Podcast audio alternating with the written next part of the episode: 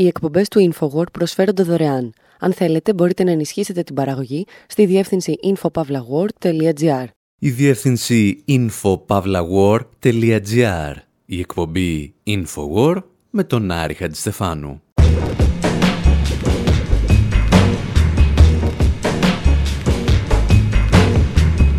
όπου σήμερα γεμίζουμε ένα αεροπλάνο με τρόφιμα και πάμε να το παραδώσουμε στον αποκλεισμένο δυτικό τομέα του Βερολίνου. Υποπτευόμαστε ότι η Ουάσιγκτον θέλει να παίξει το ρόλο του υπηκού, σώζοντας την Ευρώπη, την οποία η ίδια οδήγησε σε ενεργειακό αδιέξοδο. Μοιραζόμαστε μερικές σκέψεις για την υπεριαλιστική εισβολή της Ρωσίας στην Ουκρανία. Σκέψεις οι οποίες μπορεί να μην συνδέονται μεταξύ τους και ενδεχομένως να μην είναι και κομβική σημασίας. Αποτελούν όμως εκείνα τα μικρά κομμάτια που σου επιτρέπουν να συμπληρώσεις το παζλ.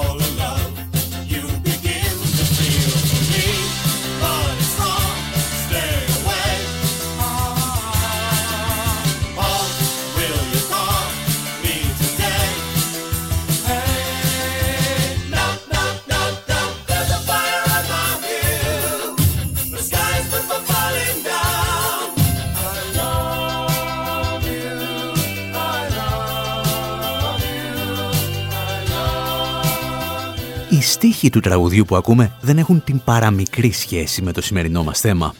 Έχει όμως το όνομα του συγκροτήματος.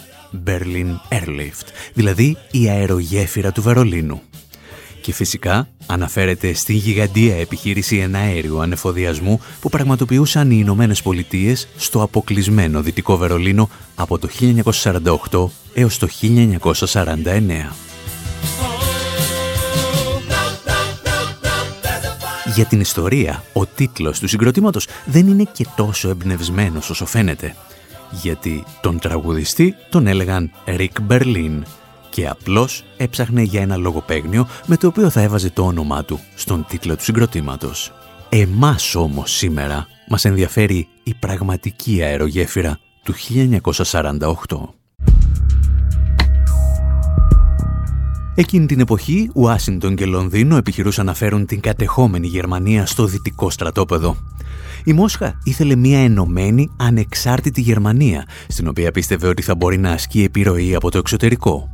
Προκειμένου να δυναμητήσουν την κατάσταση, οι Δυτικοί εισήγαγαν απροειδοποίητα ένα νέο νόμισμα στους δυτικούς τομείς της κατεχόμενης Γερμανίας. Και το έκαναν γιατί γνώριζαν ότι έτσι θα οδηγούσαν σε κατάρρευση το παλαιό νόμισμα που χρησιμοποιούνταν στους ανατολικούς τομείς.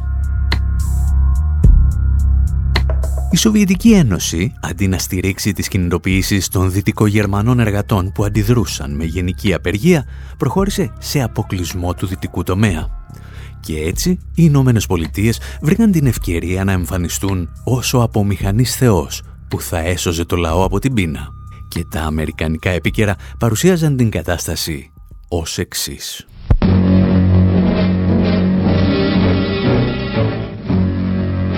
Endless cars of vitally needed coal are stalled by the Russian blockade of Berlin. Ατελείωτη είναι η ουρά από βαγόνια τρένων με πολύτιμο άνθρακα που μένουν ακινητοποιημένα λόγω του ρωσικού αποκλεισμού του Βερολίνου. Καθώς η ερυθρή θηλιά κλείνει γύρω από το δυτικό τομέα του Βερολίνου, οι γεννήτρε παίρνουν μπροστά. Ο ενεργειακός λοιμός προκαλεί διακοπές στη ηλεκτροδότηση. Το Βερολίνο μετατρέπεται σε μια σκοτεινή πόλη ενώ παράλληλα κόβονται τηλεπικοινωνίες. Οι δυτικοί σύμμαχοι ανταπετίθενται πραγματοποιώντας 450 πτήσεις με τρόφιμα την ημέρα στην αποκλεισμένη πρωτεύουσα. Ο ενάριος διάδρομος όμως, στον οποίο κινούνται τα αεροσκάφη τους, απειλείται από μαχητικά των ερυθρών. Ημερών. Τις αερομεταφορές μας προστατεύουν 60 αεροσκάφη τύπου Β-29 που απογειώνονται από τη Βρετανία, από τα ίδια αεροδρόμια που κάποτε χρησιμοποιούνταν για να βομβαρδίσουν τη Γερμανία. Τώρα αυτοί οι Γιάνγκηδες πιλότοι πραγματοποιούν τις πτήσεις του ελαίου για να ταΐσουν τους πεινασμένους Γερμανούς.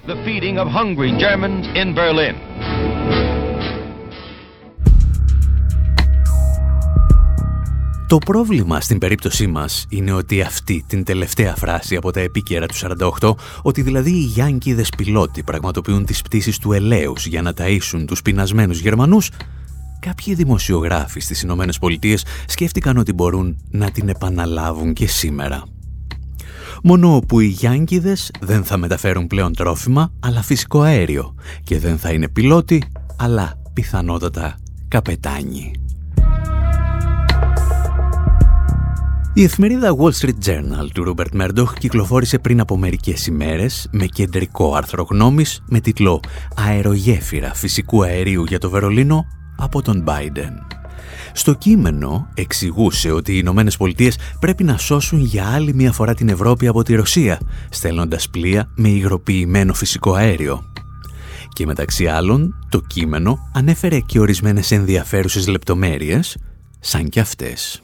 Energy is Russia's most potent non-nuclear weapon, so it's no surprise that Vladimir Putin is leveraging it as he threatens Ukraine. Europe's climate obsessions have made it vulnerable to Russia Η ενέργεια είναι το ισχυρότερο μη πυρηνικό όπλο της Ρωσίας. Δεν είναι λοιπόν τυχαίο ότι ο Πούτιν το χρησιμοποιεί εναντίον της Ουκρανίας. Οι περιβαλλοντολογικές αιμονές της Ευρώπης την κατέστησαν αδύναμη μπροστά στη Ρωσία και τώρα ο Biden έρχεται ως σωτήρας, εκλυπαρώντα τους Άραβες και άλλους παραγωγούς φυσικού αερίου να αυξήσουν την παραγόμενη ποσότητα. Η Γερμανία είναι ιδιαίτερα εξαρτημένη από το ρωσικό αέριο και γι' αυτό δεν συνέβαλε στο στετοτικό εξοπλισμό της Ουκρανίας. Αυτή την επικίνδυνη στιγμή πρέπει να κατανοήσουμε γιατί η Ευρώπη έριξε τον εαυτό της σε αυτή την παγίδα. Καταρχήν, α δούμε την απαγόρευση εξόρυξης χιστολιθικού φυσικού φυσικού αερίου. Η Ευρώπη έχει εξίσου μεγάλα κοιτάσματα χιστολιθικού φυσικού αερίου με τις ΗΠΑ. Παρ' όλα αυτά, οι ευρωπαϊκές κυβερνήσεις αρνούνται να αξιοποιήσουν το στρατηγικό τους απόθεμα. Ο κύριος Πούτιν ενίσχυσε αυτή την παράσινη αντίδραση. Όπως είχε εξηγήσει ο προηγούμενος Γενικός Γραμματέας του ΝΑΤΟ, η Ρωσία διαπλέκεται με περιβαλλοντικές οργανώσεις που αντιδρούν στο σχιστολιθικό φυσικό αέριο γιατί θέλουν να διατηρήσουν την Ευρώπη εξαρτημένη από το ρωσικό φυσικό αέριο.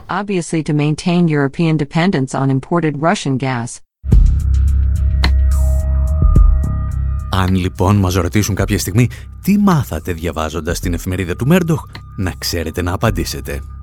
Οι Ευρωπαίοι οικολόγοι είναι πράκτορες του Πούτιν που εργάζονται για να μας προσδέσουν στο άρμα της Μόσχας. Και τώρα, έτσι που τα κάναμε με τις γελίες ανησυχίες μας για το περιβάλλον, μόνο ο Biden μπορεί να μας σώσει. Γι' αυτό πρέπει να χρησιμοποιούμε σχιστολιθικό φυσικό αέριο, η εξαγωγή του οποίου είναι καλή για όλους.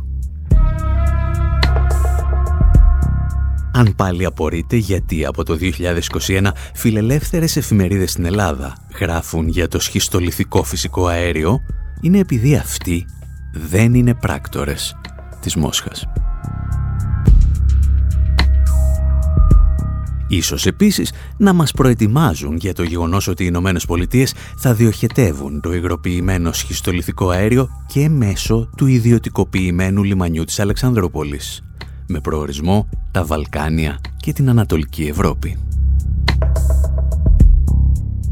Και κάπου εδώ εντοπίζουμε ένα προβληματάκι στο προηγούμενο κείμενο της Wall Street Journal.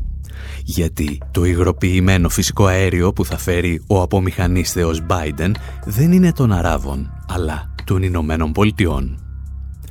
Ακούμε το ρεπορτάζ του Sue Jeffers και επιστρέφουμε.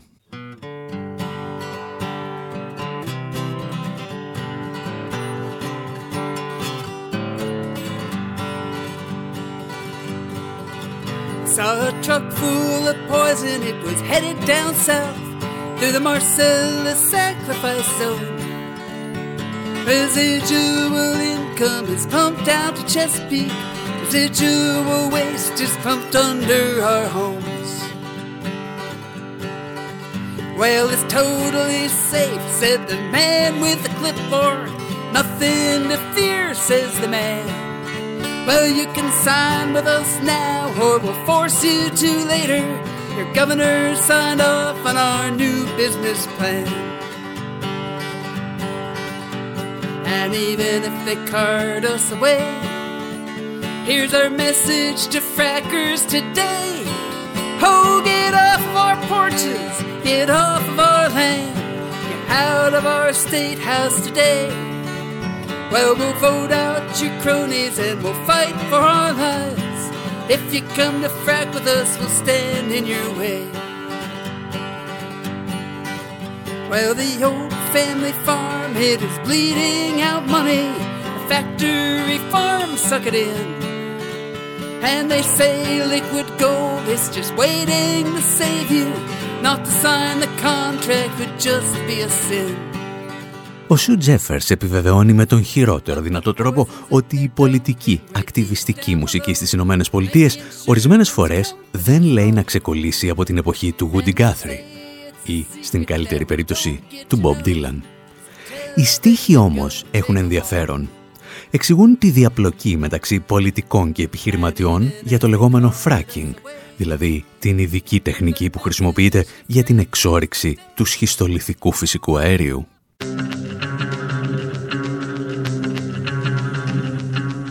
Σύμφωνα με επιστήμονες, το fracking έχει καταστροφικές συνέπειες για τα αποθέματα νερού, ενώ συμβάλλει στην παραγωγή μεθανίου, το οποίο είναι 25 φορές πιο επικίνδυνο από το διοξίδιο του άνθρακα για την καταστροφή της ατμόσφαιρας. Τα έλεγαν με περισσότερες λεπτομέρειες από μας η δημιουργή ενός μίνι ντοκιμαντέρ από τη σειρά Kurzgesagt. In a nutshell. Fracking is also associated with several considerable risks. The primary risk consists in the contamination of drinking water sources.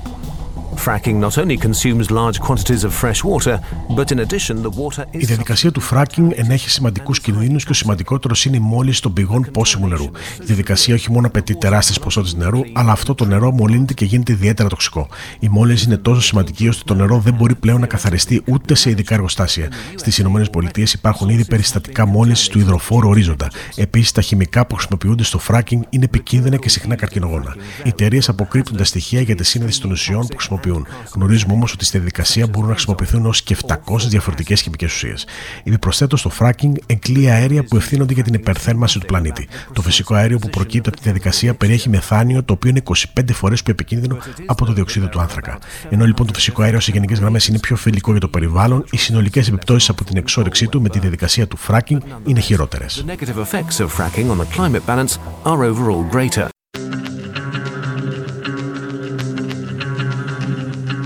Εάν κάπου εδώ αναρωτιέστε πώς ξεκινήσαμε από την Ουκρανία και φτάσαμε στην εξόριξη σχιστολιθικού φυσικού αερίου, η απάντηση είναι απλή.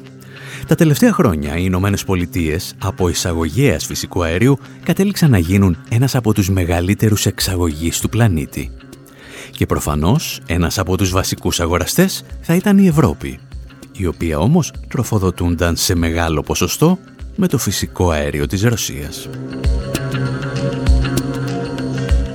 Όπως εξηγούσε σε πρόσφατη ανάλυση του ο δημοσιογράφος Λεωνίδας Βατικιώτης, οι αμερικανικές εξαγωγές αναμένεται να υπερκεράσουν ακόμη και εκείνες του Κατάρ και της Αυστραλίας, που παραδοσιακά κρατούσαν τα σκύπτρα του υγροποιημένου φυσικού αερίου. Για να συνεχιστεί βέβαια αυτή η εκρηκτική αύξηση πωλήσεων, έπρεπε μεταξύ άλλων να διακοπεί η κατασκευή του ρωσικού αγωγού Nord Stream, ο οποίος θα τροφοδοτούσε κυρίως τη Γερμανία. Επίσης, έπρεπε να κατασκευαστούν στην Ευρώπη ειδικές εγκαταστάσεις στα λιμάνια, όπου θα φτάνουν τα πλοία με το αμερικανικό υγροποιημένο φυσικό αέριο.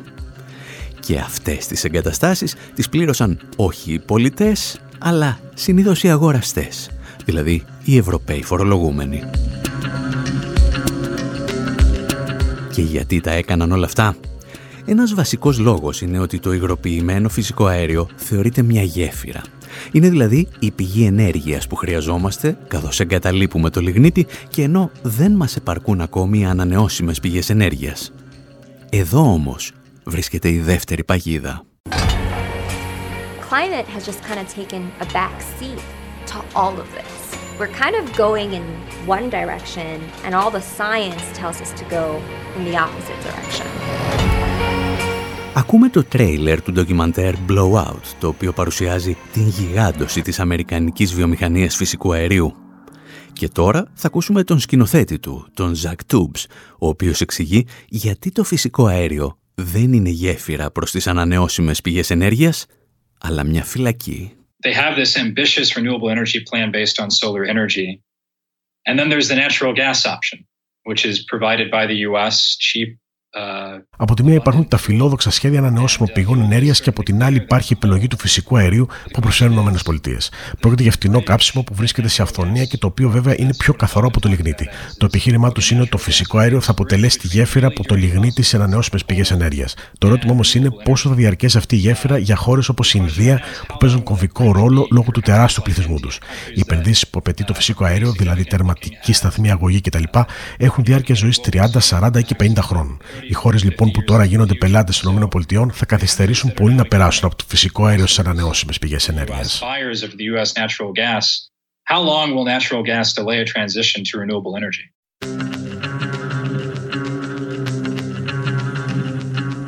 Οι Ηνωμένες Πολιτείες λοιπόν θέλουν να δεσμεύσουν τον πλανήτη στο δικό τους υγροποιημένο φυσικό αέριο και χώρες όπως η Ρωσία πρέπει να φύγουν από τη μέση το συντομότερο δυνατό.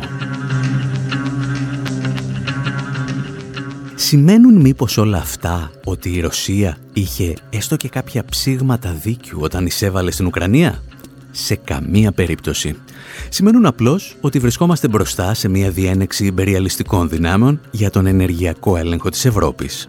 Και απλώς εμείς ανακατευόμαστε λίγο όταν ακούμε τις Ηνωμένες Πολιτείες, τη χώρα που έχει βομβαρδίσει τις περισσότερες περιοχές του πλανήτη στην ιστορία της ανθρωπότητας, να εμφανίζονται και πάλι ως προστάτηδες της ειρήνης και της εδαφικής ακαιρεότητας των χωρών.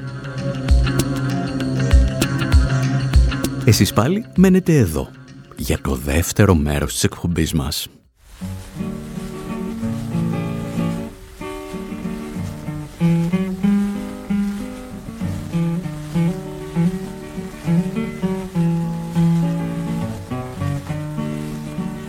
This land is your land, and this land is my land.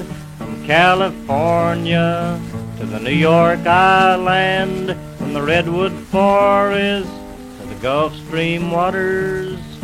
This land was made for you and me. I went a walking that ribbon of highway, and I saw above me that endless skyway. I saw below me that golden valley. This land was made for you and me.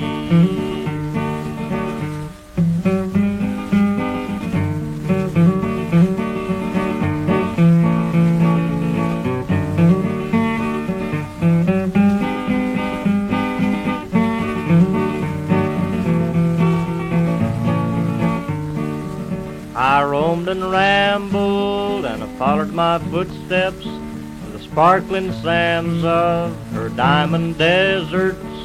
All around me, a voice was a sounding. This land was made for you and me. There was a big high wall there that tried to stop me. Sign was painted, said private property. But on the backside it didn't say nothing. This land was made for you and me. When the sun comes shining, then I was strolling, and the wheat fields waving, and the dust clouds rolling. A voice was chanting as the fog was lifting. This land was made for you and me. This land is your land, and this land is my land. From California to the New York Island, from Redwood Forest to the Gulf Stream waters. This land was made for you and me.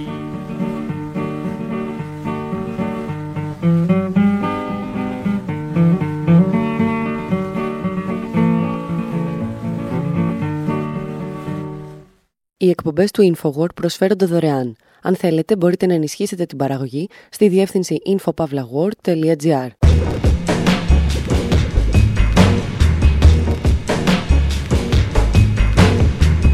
Εκπομπή InfoWord, μέρος δεύτερο. Όπου σήμερα γιορτάζουμε τη συμπλήρωση 90 χρόνων από τη γέννηση του Johnny Cash στις 26 Φεβρουαρίου του 1932. Συζητάμε για τον κύριο με τα μαύρα, ο οποίος πήγε μια μέρα φυλακή γιατί έκλεβε λουλούδια και άλλες πέντε διασήμαντον αφορμή. Έναν κύριο που τραγούδισε μαζί με τον Elvis Presley αλλά και με τους U2, με τον Louis Armstrong αλλά και με τον Joe Strummer, τον Class. Συζητάμε για ένα παιδί της μεγάλης ύφεσης που του έλεγαν ότι είναι rock και ίσως ακόμη και punk, ενώ αυτός επέμενε ότι είναι απλώς country.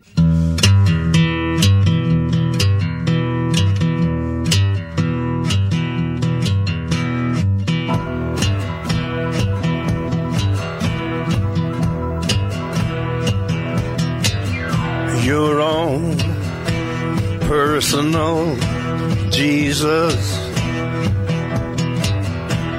Someone to hear your prayers, someone who cares. Your own personal Jesus. Someone to hear your prayers, someone who's there.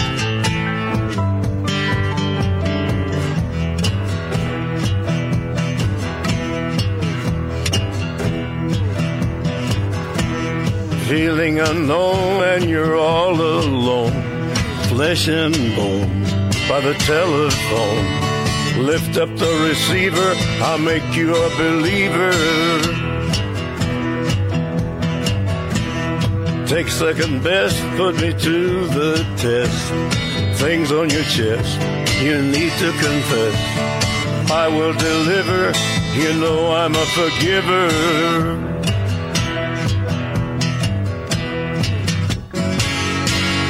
Reach out and touch faith. Θα αναγνωρίσατε πιθανότατα το Personal Jesus, ένα τραγούδι που έγραψαν πριν από 20 χρόνια οι Depeche Mode, έχοντας στο πίσω μέρος του κεφαλιού τους την Priscilla Priestley και τον προσωπικό της Ιησού, τον Elvis Priestley. Someone to hear your prayers, someone who cares. Ο κύριος που το τραγουδάει όμως, τι σχέση μπορεί να είχε με μια παρέα ηλεκτρονικής μουσικής από τη Βρετανία; Γιατί, εάν δεν καταλάβατε, είναι ο Τζόνι Κάς, η ψυχή της αμερικανικής country σκηνής. Ένας άνθρωπος που στα περισσότερα χρόνια της ζωής του ακουγόταν κάπως έτσι.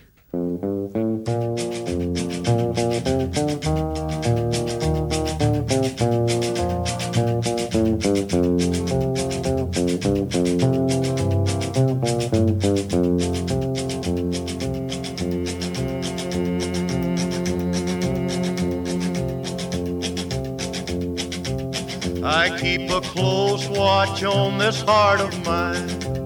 I keep my eyes wide open all the time. I keep the ends out for the tie that binds.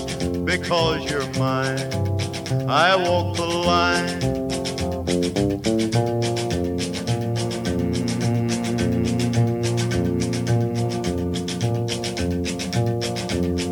I find it very, very easy to be true.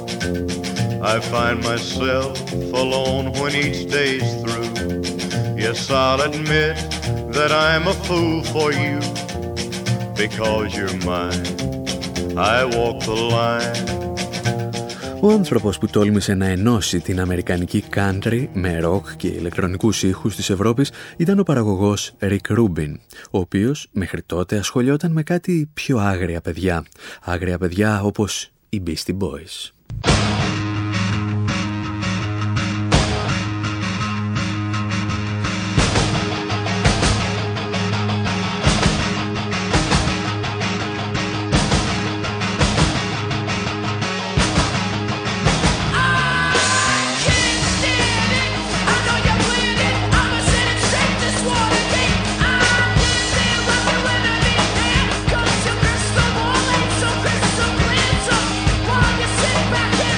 Προκειμένου βέβαια να έρθει το τραγούδι Personal Jesus στα μέτρα του Johnny Cash, ο Ρούμπιν έπρεπε να αφιερώσει πολύτιμες εργατόρες.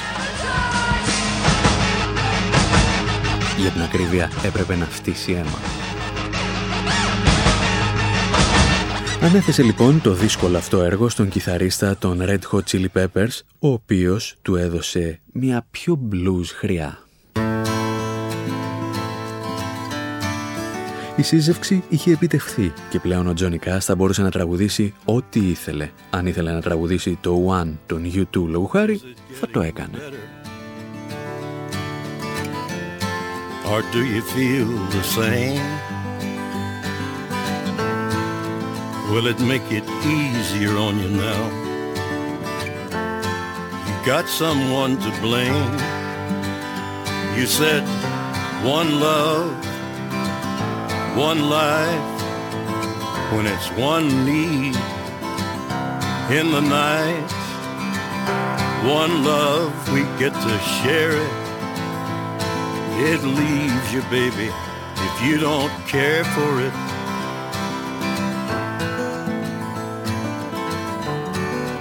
Το ερώτημα βέβαια που εύλογα προκύπτει είναι προς τι όλη αυτή η φασαρία. Γιατί αυτή η μανία της ροκ, της ηλεκτρόνικα και της hip hop σκηνής να συναντήσουν τη βαριά country κουλτούρα που κουβαλούσε στην πλάτη του ο Τζόνι Κάς.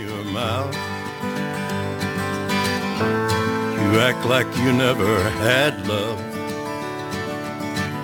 And you want me to go without τι ήταν εν ολίγης αυτό που έκανε την αληθινή ή την υποτιθέμενη αμφισβήτηση που κουβαλούσε η σύγχρονη ηλεκτρική κιθάρα να υποκλίνεται σε έναν άνθρωπο που εμφανισιακά παρέπεμπε σε γελαδάρι από το Τέξας;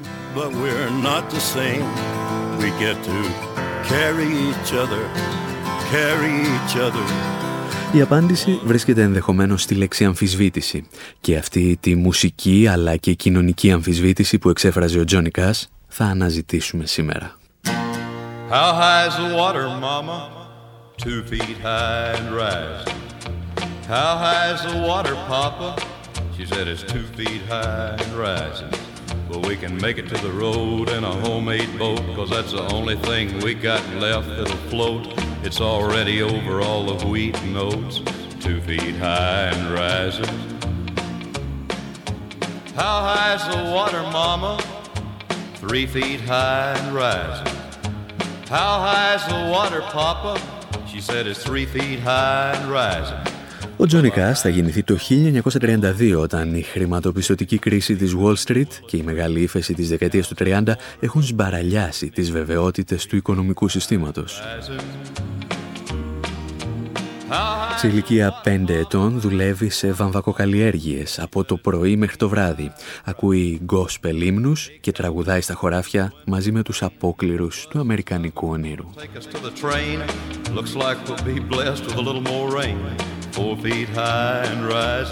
Και όταν οι πλημμύρες σάρωναν τα πάντα στις μεσοδυτικές πολιτείες των Ηνωμένων Πολιτειών και συγκεκριμένα στο Αρκάνσας, αυτός ρωτούσε «Μαμά, πόσο ψηλά θα φτάσει το νερό» και εκείνη του απαντούσε 1,5 μέτρο και ανεβαίνει.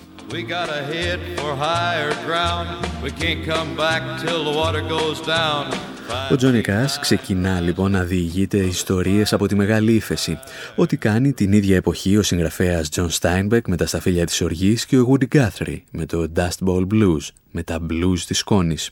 Ενώ όμως ο Στάινμπεκ και ο Woody Guthrie στρέφουν περισσότερο το βλέμμα τους στους εργάτες και τους αγρότες που πληρώνουν την οικονομική κρίση, ο Τζόνι Κάς αναζητά τους δικούς του καταραμένους ήρωες στις φυλακές. Ένας χώρος που θα στιγματίσει τη μουσική του για το υπόλοιπο της ζωής του. Hello, I'm Johnny Cash.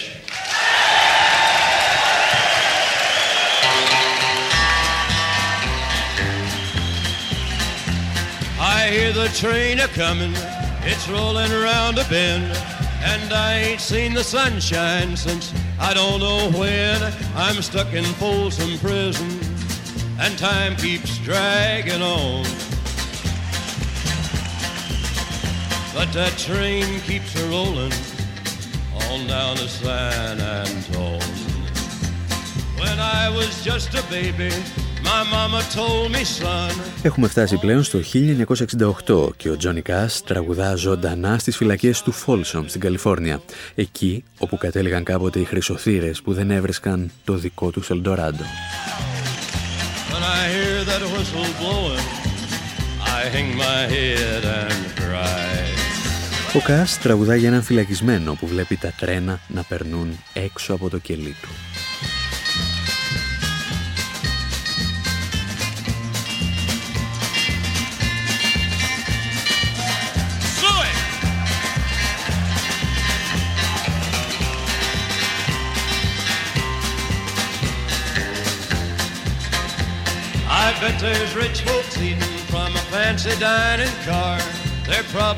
Όταν ήμουν μικρός, λέει σε κάποιο σημείο, η μητέρα μου μου έλεγε να μην παίζω με τα όπλα, αλλά εγώ πήγα και σκότωσα έναν άνθρωπο μόνο για να τον δω να πεθαίνει.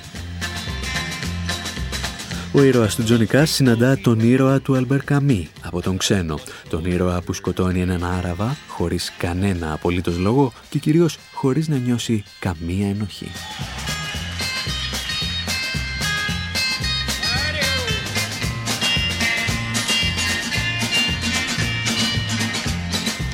Φυλακισμένος της ιστορίας μας πιστεύει ότι καλώς τον έβαλαν στη φυλακή, αλλά έχει και μία ακόμη σκέψη να μοιραστεί μαζί μας.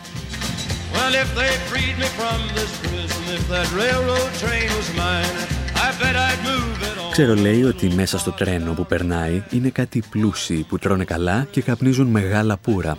Εγώ σίγουρα έπρεπε να είμαι στη φυλακή, αλλά πιο πολύ με βασανίζει ότι αυτοί οι τύποι είναι ακόμη έξω.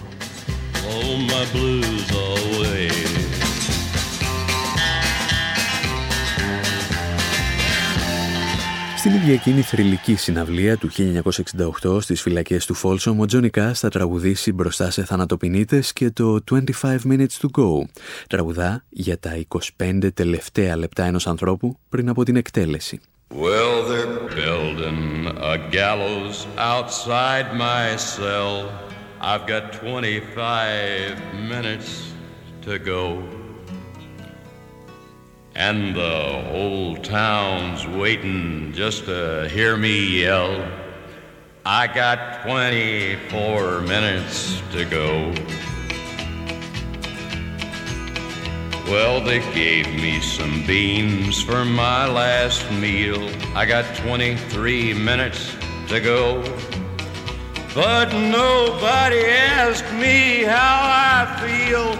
Είναι ίσως αυτή η αιμονή του Τζόνι Κάς με τις φυλακές και με τους θανατοπινίτες που θα πείσει τον Νίκ Κέιβ αρκετά χρόνια αργότερα να του εμπιστευτεί ένα από τα αριστουργήματά του για το θάνατο στην ηλεκτρική καρέκλα, το Mercy Seat. Τον ακούμε και επιστρέφουμε. It all began when they took me from my home and put me on death row. A crime for which I'm totally innocent, you know. I began to warm and chill to objects and their fields, a ragged cup, a twisted mop, the face of Jesus in my soup, those sinister dinner deals, the meal trolley's wicked wheels, a hook bone rising from my food, and all things either good or ungood. And the mercy seat is waiting, and I think my head is burning, and in a way I'm yearning to be done with all this weighing of the truth. An eye for an eye and a tooth for a tooth. And anyway, I told the truth, and I'm not afraid to die.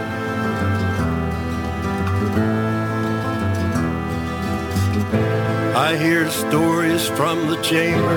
Christ was born into a manger, and like some ragged stranger, he died upon the cross.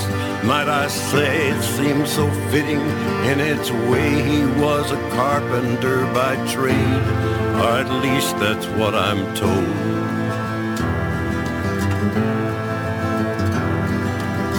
My killed hands tattooed evil across its brother's fist. That filthy five, they did nothing to challenge or resist. Από τα πρώτα χρόνια της καριέρας του ο Τζόνι Κάς ντύνεται στα μαύρα. Παράλληλα, οικοδομεί το προφίλ της παραβατικότητας και το πληρώνει αρκετά συχνά. Συλλαμβάνεται τουλάχιστον έξι φορές από την αστυνομία, συνήθως για μικροπαραπτώματα, όπως ότι μπήκε σε ένα ξένο χωράφι για να μαζέψει λουλούδια.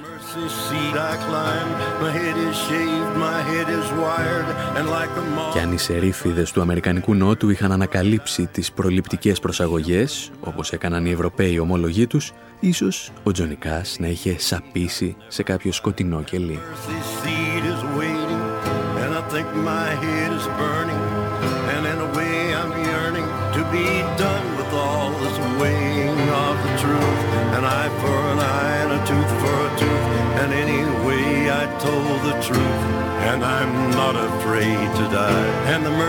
Αυτή η μικροπαραβατικότητα λοιπόν ταιριάζει απόλυτα στον άνθρωπο με τα μαύρα.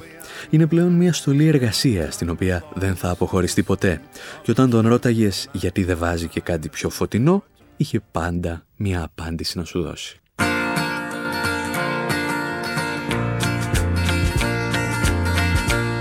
Well, you wonder why I always dress in black. Why you never see bright colors on my back. And why does my appearance seem to have a somber tone? Well, there's a reason for the things that I have on. I wear the black for the poor and the beaten down. Living in the hopeless, hungry side of town.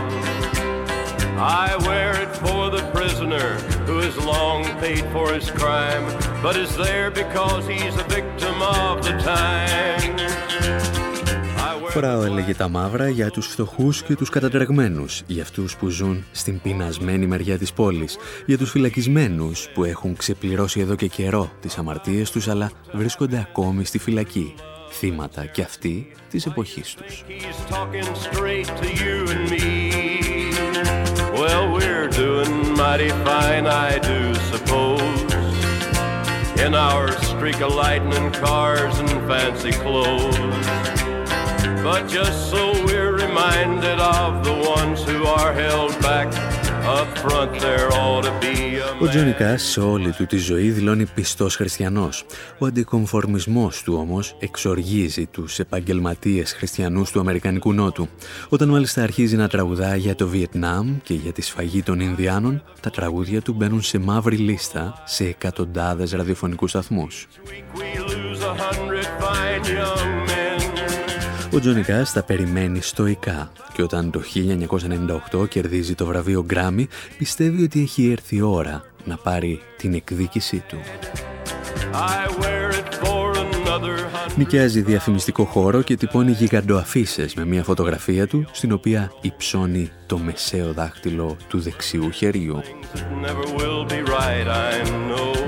αφιερωμένο εξαιρετικά στους ραδιοφωνικούς παραγωγούς και τα πουλημένα playlist που σερβιραν στους ακροατές τους.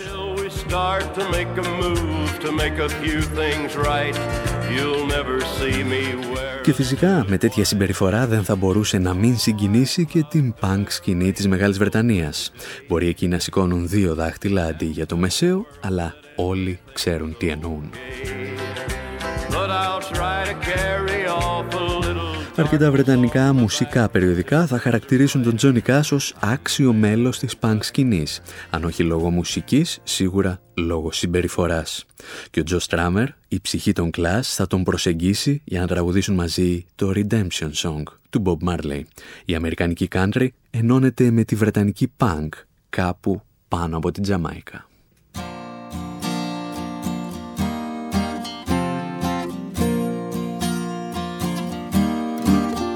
Old pirates, yes, they rob I. Sold I to the merchant ship.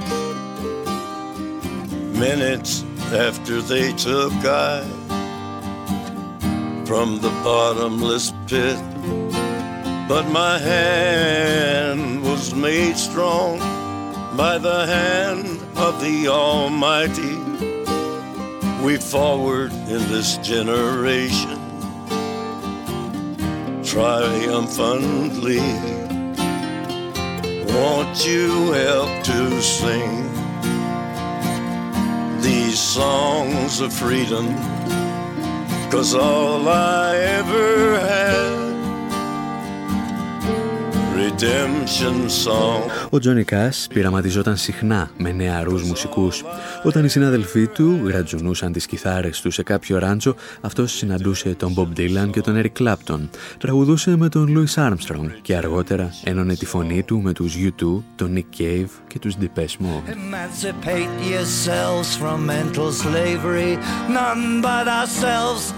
Κανένας δεν τον είπε προοδευτικό. Ελάχιστοι όμως θα τολμούσαν να αμφισβητήσουν την παράδοση και τις αξίες της κοινωνίας, όπως το έκανε ο Τζόνι Κάς.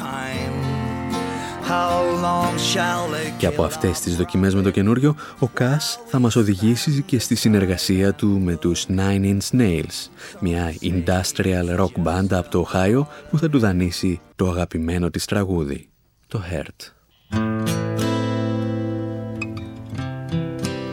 Κάπου εδώ όμως θα σας αφήσουμε. Γεια σας και χαρά σας. I hurt myself today to see if I still feel. I focus on the pain, the only thing that's real. The needle tears a hole the old familiar sting. Try to kill it all away, but I remember everything. What have I become? My sweetest friend. Everyone I know goes away in the end. And you could have it all. My empire of dirt.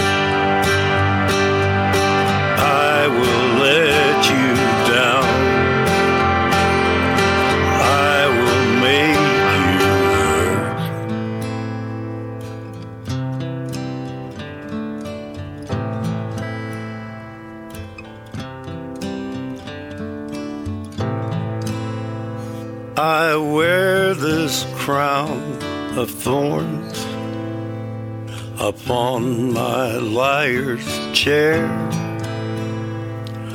full of broken thoughts I cannot repair. Beneath the stains of time, the feelings disappear. You are someone else. I am still right here. What have I become? My sweetest friend. Everyone I know goes away And you could have it all. My empire of dirt. I will let you down. I will make you hurt. If I could start